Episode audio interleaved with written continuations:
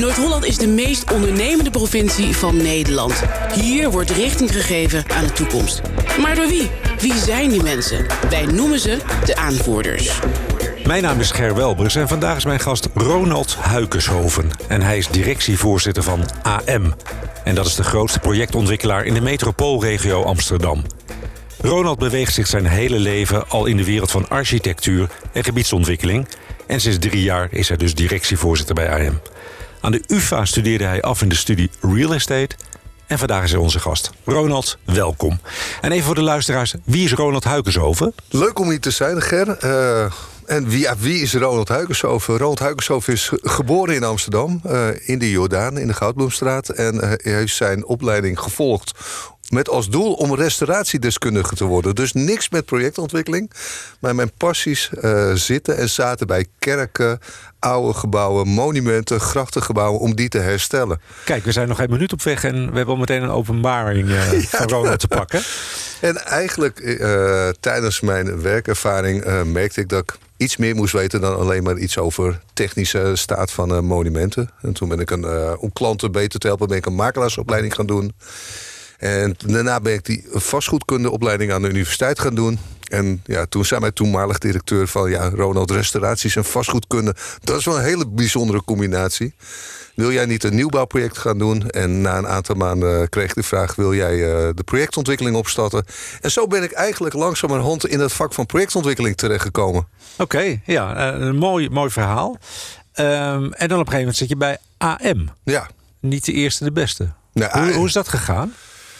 Hoe is dat gegaan? Uh, sterker nog, na die opleiding wilde ik eigenlijk... Uh, ik deed allemaal kleine projectjes. En toen zag ik een vacature bij uh, Amstelot Vastgoed. Dat was het oude AM. En daar had ik op gesolliciteerd en daar werd ik aangenomen. En daar heb ik vijf jaar gewerkt. Ja. En toen wilde ik wat meer van het vak zien. Toen ben ik naar een ander bedrijf gegaan. Maar elf jaar geleden werd ik gevraagd van... Goh, Ronald, zou je terug willen komen bij AM en zou je daar uh, eerst directeur willen worden? En uh, daarna ben ik uh, nu directievoorzitter geworden. Nou kan ik me voorstellen dat niet alle luisteraars weten wat AM precies inhoudt, wat ze doet. Kan je daar iets over vertellen? Ja, AM is een, een gebieds- en opstalontwikkelaar. Uh, die zich bezighoudt met wonen, werken en winkelen. Die, en het mengen van die functies. En wat maakt nou het verschil tussen ons en andere bedrijven... is dat we een eigen conceptafdeling hebben. Dus we hebben eigen architecten, stedenbouwkundigen... grafisch ontwerper, landschapsarchitecten. En die maken samen met onze onderzoekers en de ontwikkelaars een concept. Dus die gaan daar vanuit bedenken van... wat zou nou het beste passen bij deze plek... of de opgave die wij van de gemeente krijgen. En op basis daarvan zetten we het concept in de markt. Gaan we echte architecten inhuren die ons uh, het gebouw verder uitontwikkelen. En ja, waar is AM bijvoorbeeld bekend van? Nou, uh, we, hebben de, we doen de Bijlmer Bias. Een van de prestigieuze projecten in Amsterdam. Echt ontzettend leuk om, uh, om aan te werken. Dat, dat zijn die, die zes of zo zijn dat, toch? Ja, het zijn die zes torens die bij het Amstelstation staan. En die de komende jaren veranderen van bestemming, gesloopt worden. Een aantal worden opgeknapt. En daar komt een complete nieuwe wijk in Amsterdam. Maar wat we ook hebben gedaan is het oude gakgebouw langs de, Borselom, uh, langs de A10 in Borselommer uh, herbestemd tot jongerenwoning. En op basis daarvan hebben we bijvoorbeeld het Friends concept bedacht. Waar jongeren samen in een woning kunnen doen. Nou, die woontoren hebben we gerealiseerd achter de Adamtoren. Het project heet Be Mine ja. uh, op Overhoeks. Dus kortom, allerlei uh, projecten. En wat we doen in de metropoolregio Amsterdam... is bijvoorbeeld uh, bij Badhoevedorp. Daar waar de A9 is weggehaald. Ja. Daar zijn we samen met onze collega Bo Hemen... een andere ontwikkelaar... zijn we samen die invulling aan het geven in Badhoevedorp... om die wijk weer te herstellen tot één dorp. Dat zijn mooie, ja, dat zijn leuke projecten, ja. absoluut. We ja. werken met veel plezier aan. Dat kan ik me helemaal voorstellen. Um, jullie zijn ook een, een, een, organisatie. Jullie willen duurzame en inspirerende leefomgevingen bedenken en ontwikkelen. En dat is uh, in, in het verleden kan ik me voorstellen dat zei: we hebben een opdracht om uh, duizend woningen ergens te, te bouwen. Mm -hmm. Maar tegenwoordig komt er veel meer bij kijken. Hè, van, voordat je gaat ontwikkelen. Je had het al even over onderzoekers die jullie in dienst hebben. Wat onderzoeken die bijvoorbeeld? Nou, die onderzoeken uh, enerzijds van wat voor type woningen er nodig zijn, welke doelgroepen op de markt komen. Maar wat, waar we ook natuurlijk naar kijken... is welke duurzaamheidsambities willen we tegenwoordig in onze projecten integreren. Uh, en daar leggen we de lat echt een, stuk hoger dan uh, gebruikelijk is... om daarmee vernieuwing in onze projecten te doen... en ook onze projecten op de, op de langere termijn toekomstbestendig te maken. Ja, ik zag op de site dat jullie eigenlijk vijf kernthema's in jullie DNA hebben. Ja, ik, dat ik zijn noem ze vijf, even, vijf gaan- maatschappelijke thema's. Ja, vijf maatschappelijke thema's. Ik noem ze even alle vijf en, en daarna gaan we ze even allemaal af. Dat zijn healthy urban living and working, de stad en gebiedmaker, de inclusieve stad, gedurfde duurzaamheid en de vijfde is gelukkig leven. Klopt. Zullen we ze één voor één langslopen? Ja, dat is goed. Wat versta je precies onder healthy urban living and working? Nou, daar, daar verstaan wij onder op het moment dat jij eh, een gebouw of een gebied neerzet... dat je nadenkt over mensen hoe ze daar eh, gezonder kunnen wonen en werken. En we zien dat al heel sterk in kantoorgebouwen... waar we de term well-being hebben. Dat mensen meer de trap gebruiken in plaats van de lift. Maar zo kan je ook een wijk inrichten. Het gebruik van de openbare ruimte bevorderen. Mensen meer eh, laten bewegen in de openbare ruimte. Dus het, aandacht besteden aan het gezondheidsaspect... de well-being van eh, de mens... dat moet terugkomen in onze projecten. En daar maken we ons sterk voor. Kan je er echt een voorbeeld van geven waar je dat, eh, hoe je dat bijvoorbeeld doet? Ja, eh, dat doe je als je bijvoorbeeld echt...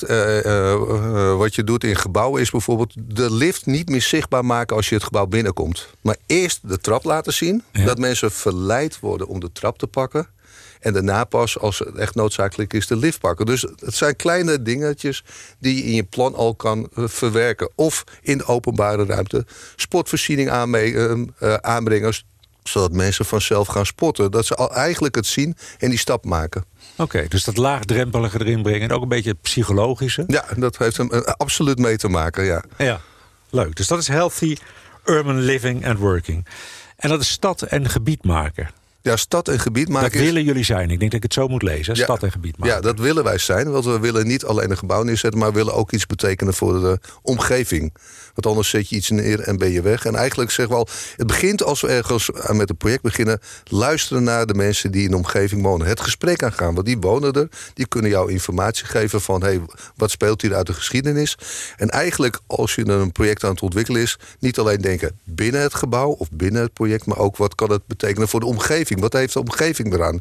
Dus, en dat vinden we echt iets van stads- en gebiedsmaken. En dat kan betekenen dat je iets met tijdelijke functies doet al... terwijl het project nog gerealiseerd kan worden. Maar het kan ook betekenen dat je kijkt van... hé, wat er is, is er in deze wijk nodig? En dat integreren in je gebouw of je gebied. Dan kan ik me voorstellen, kijk, veranderen, daar hebben we een natuurlijke weerzin tegen als mensen. Als je in gesprek gaat met, met bijvoorbeeld bewoners die nu in een gebied wonen, krijg je dan niet eigenlijk antwoorden dat men liefst alles bij het oude wil laten? Ehm, soms wel en soms niet. Eh, ik- wa- wat we, eh, het betekent dat je mensen moet meenemen. En vaak eh, is het ook belangrijk om aan het begin duidelijk te maken welke opgaven er worden gesteld vanuit de gemeente wat er gerealiseerd moet worden. En dan zet je de kaders neer en dan ga je met elkaar overleggen... hoe kunnen we binnen die kaders nou het meest optimale voor u en voor ons realiseren. En volgens mij is dat heel belangrijk. En, en dat doen we steeds meer. En ja, dat, het, is, het is heel intensief, maar Ja. het maakt het project wel meer dat het gedragen wordt... en het wordt ook leuker daardoor. Ja. En merk je ook dat, dat eigenlijk als er tegenstellingen zijn, dat je die gaandeweg het traject wel oplost met elkaar? Dat je steeds dichter bij elkaar komt? Ja, je komt eh, dichter, absoluut dichter bij elkaar. Maar ja, en dan moet je wel tonen dat je naar elkaar wilt luisteren. En dat is volgens mij heel belangrijk. Elkaar serieus nemen en naar elkaar willen luisteren. Ja, En daarvoor openstaan. oké. Nou, dat is een hele mooie ook. Dan de inclusieve stad. Het woord inclusief horen we natuurlijk eh, eh, enorm veel op dit moment. Wat verstaan jullie eronder? Wat voor ons inclusieve stad betekent dat als wij met een project eh, een stuk gebied aan het ontwikkelen, dat betekent voor ons is dat iedereen er kan wonen. Dat wij een project maken waar mensen met eh, sociale woningen komen, middeldure huurwoningen en vrije sector, of het nou huur- of koopwoningen zijn. Maar in ieder geval dat je een stuk stad maakt waar echt iedereen in kan wonen. En dat maakt voor ons onze stad interessant. Want die variatie, daarom ga je naar een stad toe. Daarom word je geprikkeld om een stad te bezoeken. En vind je het leuk om er te vertoeven. En dat betekent ook iets dat je dan kijkt naar inclusief. is betekent ook allerlei voorzieningen. Want niet alleen als je woningen doet, is niet leuk. Want je wil broedplaatsen wil je ontdekken. Je wil eh, bedrijfsruimte hebben. Of nou voor maakeconomie is. Of voor eh, ZZP'ers die er zitten. Maar juist die gecombineerdheid, dat verstaan wij onder een inclusief stad. Dat iedereen in die stad kan wonen en werken. Ja. Mooi, mooi streven ja, absoluut. Ja, de vierde is gedurfde duurzaamheid. Duurzaamheid weten we alles van, maar wat is gedurfde duurzaamheid? Ja, dat is waar ik, waar ik in de inleiding al zei, we leggen de lat hoger. En ik vind het een heel mooi voorbeeld is de Bijlmer Baaiers. Uh, waar we de, uh, daar hebben we gezegd, 98% van alle materialen die we daar slopen, gaan we hergebruiken. Nou, dat, dat heeft nog nooit iemand gezegd. En dat betekent gewoon dat je, de, dat je verder kijkt dan alleen maar de energienorm. Maar dat je ook nadenkt van, hoe kunnen we de stappen naar de toekomst zetten? Hoe kunnen we verder gaan dan wat gebruikelijk is? En zoveel hergebruiken, eigenlijk de circulaire gedachten integreren in het project. Dat is wat wij bedoelen met gedurfde duurzaamheid. En dat kan betekenen in een ander project weer een andere oplossing.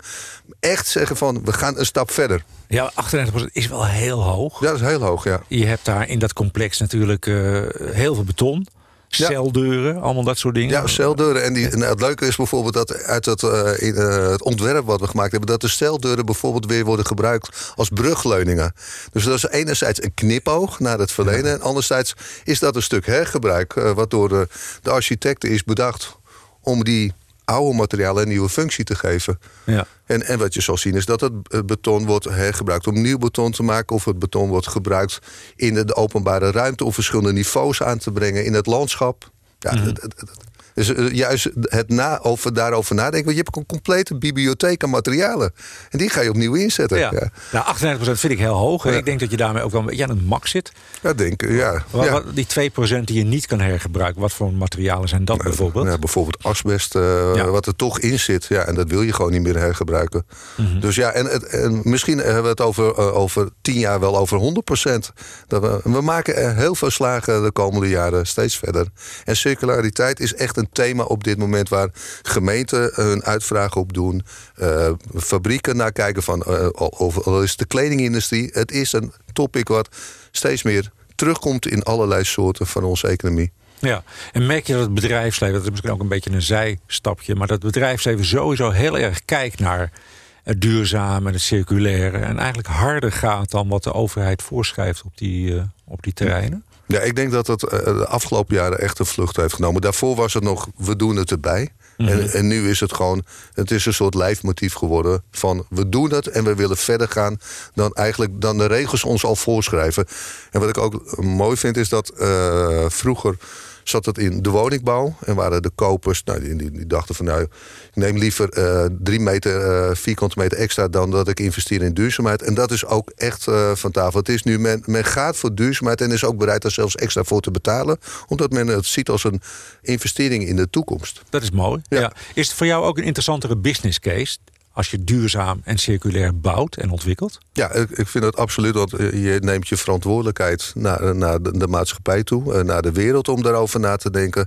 Ehm, je, je denkt na over nieuwe bouwmethodieken van eh, hoe kan ik het beton hergebruiken, hoe kunnen we in kaart brengen de materialen die we hebben al toegepast. Ja, je wordt ook, ja, het wordt er alleen maar leuker en creatiever van. Ja, ik, je straalt ook echt als het daarover gaat. Dat v- zie ik vaak in podcasts. Op het moment dat het over duurzaamheid gaat en echte innovatie en echt verschil maken, dat, dat daar heel veel energie Ja, wordt eigenlijk. ja. Niet, Ja, en- niet en- volgens het oude, maar en om, het, nieuw werken. ja, en om het serieus te nemen hebben wij bijvoorbeeld ook eh, één iemand binnen ons bedrijf. En die, echt- die is duurzaamheidsmanager. En die zorgt ook voor die kruisbestuiving tussen allerlei projecten onderling. Dus wat we in het ene project wordt geleerd, integreert hij weer in het andere project. Zodat we ook over de projecten heen denken. En ik denk dat dat is belangrijk. Leren van elkaar. Wat doe je? En dat is zijn rol. Hij komt elke keer met nieuwe ideeën. Gaat bij start-ups langs om ons weer te inspireren. En deel je dat dan ook met andere ontwikkelaars? Ja, ja eh, er zijn allerlei overlegplatformen waar dit soort eh, ja, leeraspecten met elkaar gedeeld worden. Absoluut, want wij kunnen het ook niet alleen. Precies. Nee, Ja. wij hebben andere mensen ook weer nodig. Ja.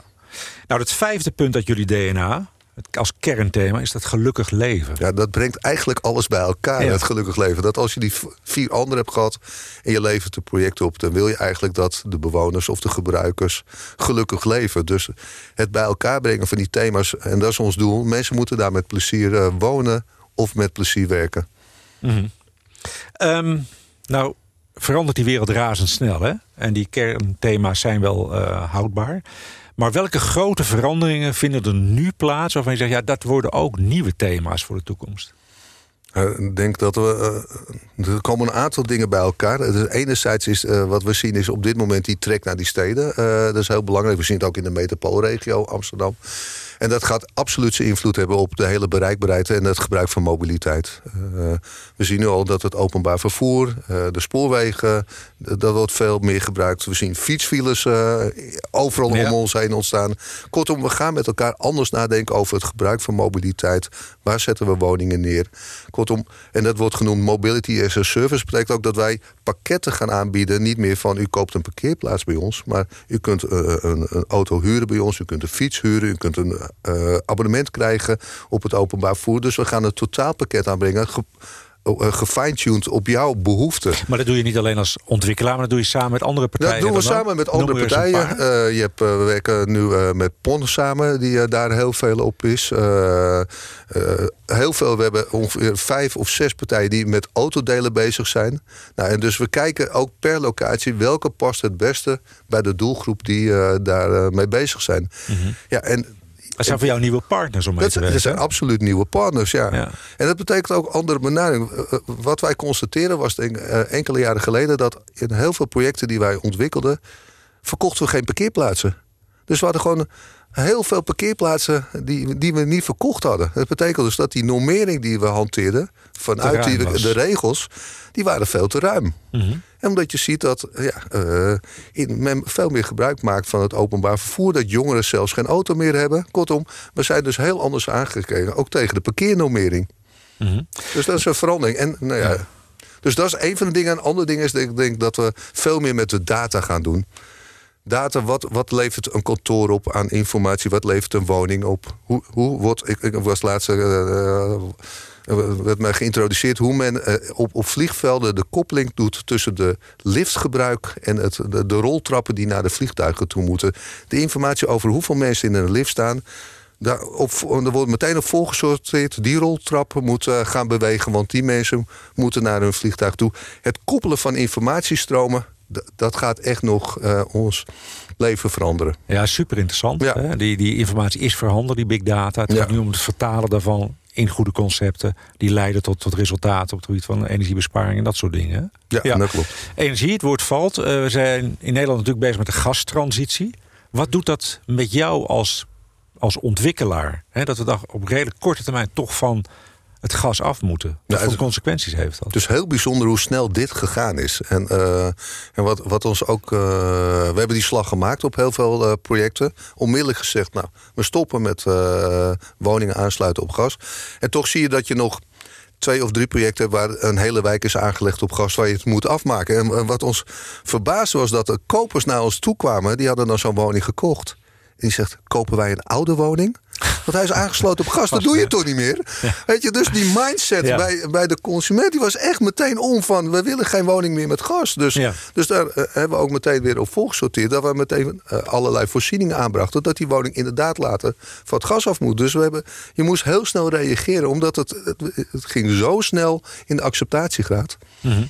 En geen gas betekent dat alles elektrisch? Of zijn er nog alternatieven? Nee, je hebt, er zijn allerlei alternatieven. We hebben warmte-koude opslag in de bodem natuurlijk... Uh, wat je ziet is dat we nu ook daar waar de verontreiniging in de bodem te grond is, gaan we werken met warmte-luchtpompen. Dat we de, warmte en de koude uit de lucht halen.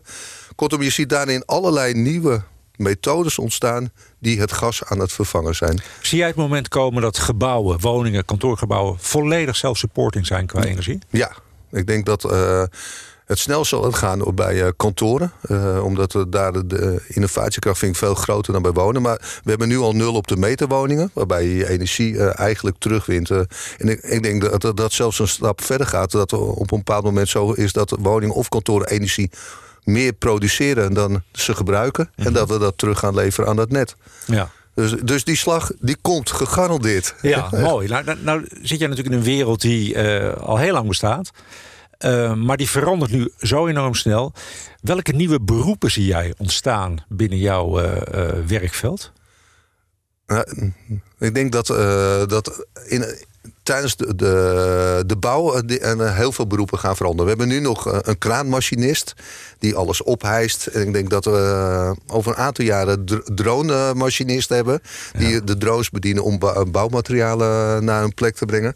3D-printing is echt een ding wat aan het gebeuren is. En ik denk ook cruciaal is. Want de steden zijn moeilijker bereikbaar. Dus het, het bouwen op een klein oppervlak wordt lastiger. Dus we zullen eh, op een creatieve manier materialen moeten of ter plekke moeten maken of uh, moeten prefabriceren. Dus dat 3D-printing is er eentje. En een laatste die ik eraan zou willen toevoegen is dat we hebben met elkaar veel meer het gesprek over dat we voedsel in de stad moeten produceren. Uh, in de Bijbelbuis gaan we een hele groene toren maken met urban farming. Dus het beroep van agricultuur in de stad. Uh, iemand die tijdens de bouw iets zegt over hoe je voedselplekken moet creëren. Dat hebben we nu nog niet. Maar ik denk dat dat ook een van de aspecten is die we mee gaan uh, nemen in de toekomst als een apart beroep.